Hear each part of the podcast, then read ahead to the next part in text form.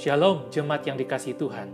Hari ini kita berjumpa lagi dalam renungan seorang murid yang diambil dari renungan Gema yang diterbitkan oleh Sinode GKY. Mari kita berdoa, mohon pimpinan dan penyertaan Tuhan dalam perenungan kita hari ini. Bapa dalam surga, kiranya Engkau berkenan menolong setiap kami yang hari ini ingin membaca firman-Mu, merenungkannya, mendengarkan penjelasannya, supaya kami beroleh sikap hati yang mau taat, yang mau setia melakukannya di dalam kehidupan kami sehari-hari. Bersabdalah ya Tuhan, bentuklah hidup kami, tuntunlah kami, sehingga kami bukan hanya ngerti, tapi makin peka terhadap apa yang Tuhan mau dari hidup kami. Di dalam nama Tuhan Yesus, kami berdoa. Amin. Jemaat yang dikasih oleh Tuhan, hari ini saya mengajak kita untuk merenungkan tentang mengikut Yesus. Dari bagian Alkitab hari ini, Lukas pasal 9 ayat 22 sampai 43a, saya akan membacakan ayat 22 sampai ayat 27 saja. Judul perikopnya adalah tentang pemberitahuan pertama, tentang penderitaan Yesus dan syarat-syarat mengikut dia. Dan Yesus berkata, Anak manusia harus menanggung banyak penderitaan dan ditolak oleh tua-tua, imam-imam kepala, dan ahli-ahli Taurat, lalu dibunuh dan dibangkitkan pada hari ketiga. Katanya kepada mereka semua, "Setiap orang yang mau mengikut Aku, ia harus menyangkal dirinya, memikul salibnya setiap hari, dan mengikut Aku. Karena barang siapa mau menyelamatkan nyawanya, ia akan kehilangan nyawanya. Tetapi barang siapa kehilangan nyawanya karena Aku, ia akan menyelamatkannya." Apa gunanya seorang memperoleh seluruh dunia tetapi ia membinasakan atau merugikan dirinya sendiri? Sebab barang siapa malu karena aku dan karena perkataanku, anak manusia juga akan malu karena orang itu apabila ia datang kelak dalam kemuliaannya dan dalam kemuliaan Bapa dan malaikat-malaikat kudus. Aku berkata kepadamu, sesungguhnya di antara orang yang hadir di sini ada yang tidak akan mati sebelum mereka melihat kerajaan Allah. Semikian jauh pembacaan firman Tuhan. Jemaat yang dikasih oleh Tuhan, ada sebuah lagu rohani yang kalimatnya berbunyi begini. Ikut Yesus, ku mau ikut Yesus, ke tempat mana pun ku ikut Yesus. Mungkin ini lagu yang cukup familiar, karena mungkin kita sering menyanyikannya dalam ibadah-ibadah kita. Ini merupakan sebuah lagu yang indah, bukan? Tapi juga ini sebuah lagu yang membuat kita merenung Benar nggak sih kita ini bersedia ikut Yesus ke mana pun ia ingin kita pergi? Dan apakah kita bisa menjaga kesetiaan kita kepada Tuhan waktu kita mengikuti dia? Apa artinya mengikut Tuhan Yesus? Alkitab mengatakan bahwa mengikut Tuhan Yesus berarti menyangkal diri, memikul salib setiap hari, dan mengikuti dia. Setiap orang yang sungguh-sungguh mau mengikut Tuhan Yesus harus mengikuti perkataan dan teladan yang ia berikan. Sayangnya, sejak abad pertama sampai masa kini, banyak orang memiliki pemahaman yang keliru tentang Yesus Kristus sebagai Sang Mesias. Orang-orang Yahudi pada abad pertama mengharapkan kedatangan Mesias yang akan membebaskan mereka dari penjajahan pemerintah Romawi. Bukan Mesias yang menderita sampai mati di kayu salib mereka tidak menyadari bahwa setiap orang yang mengikut Tuhan Yesus harus memikul salib atau mengalami penderitaan sebagai pengikut Kristus. Hari ini kita akan merenungkan dua unsur dari mengikut Yesus yang semuanya itu terjadi secara bersamaan, bukan urutan kronologis, tapi urutan yang terjadi secara bersamaan. Waktu orang mau mengikut Yesus, maka dia harus menyangkal diri dan memikul salibnya setiap hari. Yang pertama, menyangkal diri. Bukan apa yang aku mau, tapi apa yang Tuhan mau. Bukan apa yang aku ingin lakukan, tapi apa yang Ia ingin aku lakukan. Menyangkal diri artinya rela untuk tidak melakukan apa yang menyenangkan kedaginganku, supaya aku dapat menyenangkan hati Tuhan. Mengikuti Yesus berarti mengikuti keinginannya. Inilah menyangkal diri.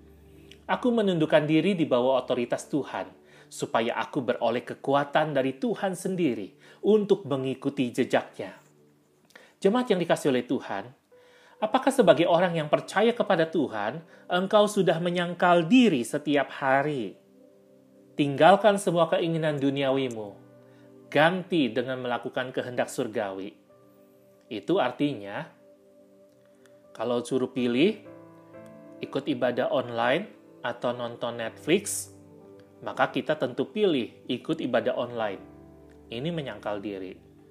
Kalau di rumah, kita pulang kerja, lalu istri ngomel atau demikian sebaliknya, kita pasti inginnya mau bales kan?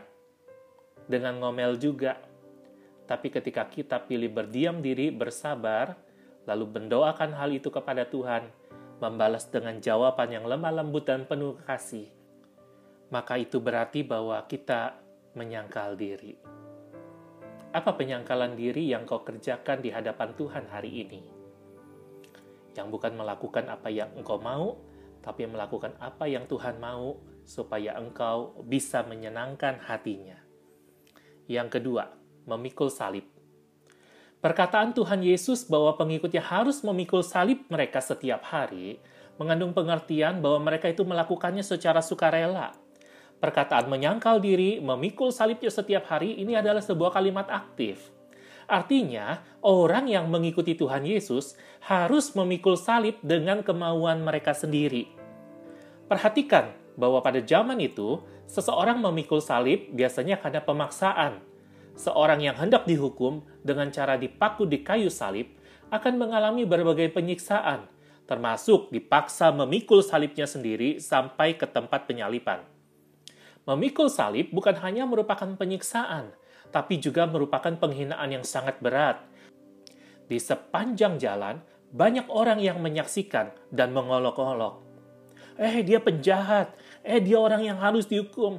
Ih, memalukan. Harus sampai disalib. Bukankah itu sungguh menyakitkan hati?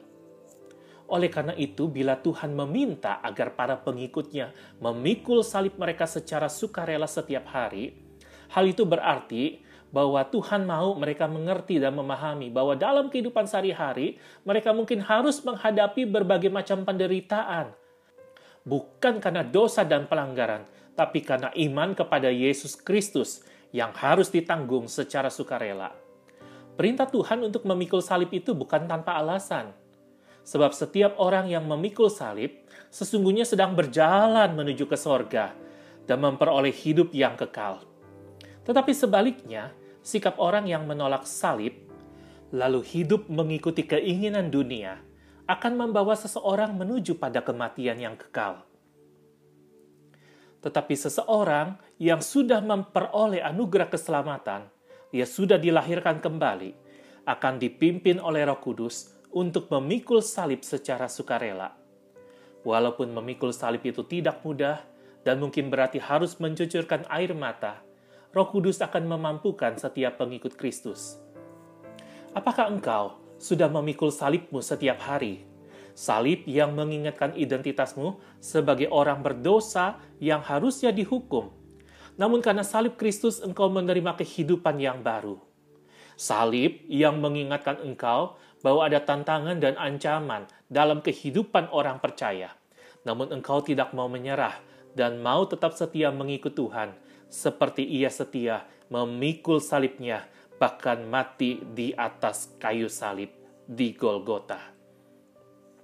Hari ini, kita diingatkan apakah kita sudah menjadi orang-orang percaya yang menyangkal diri, memikul salib, dan mengikut Tuhan. Ayo, kita terus berjuang sampai garis akhir sebagai orang-orang yang percaya dan mempercayakan diri kepada Tuhan. Jangan menyerah, Ayo ikut Tuhan dengan setia, karena hanya Tuhan yang sanggup untuk memimpin dan menolong perjalanan hidup kita sampai pada akhirnya. Mari kita berdoa. Bapa dalam surga, kami bersyukur karena Engkau memberikan Tuhan Yesus mati di atas kayu salib untuk menebus setiap kami. Kami punya teladan Tuhan yang setia, menyangkal diri, memikul salib, untuk menyelamatkan kami yang berdosa, sehingga kami hari ini memperoleh sebuah kehidupan yang baru di dalam anugerah Tuhan. di dalam perjalanan iman kami sebagai orang percaya, kami juga rindu boleh mengikuti jejak Tuhan. Biarlah boleh menjadi bagian hidup kami, menyangkal diri, bukan diri kami lagi, tapi ada Kristus yang hidup di dalam hidup kami. Kami boleh pikul salib setiap hari, yaitu boleh mengingat selalu bahwa ada karya Kristus yang membuat kami hari ini merdeka, dan bahwa ada tantangan yang harus kami jalani dengan sukarela karena iman kami kepada Tuhan.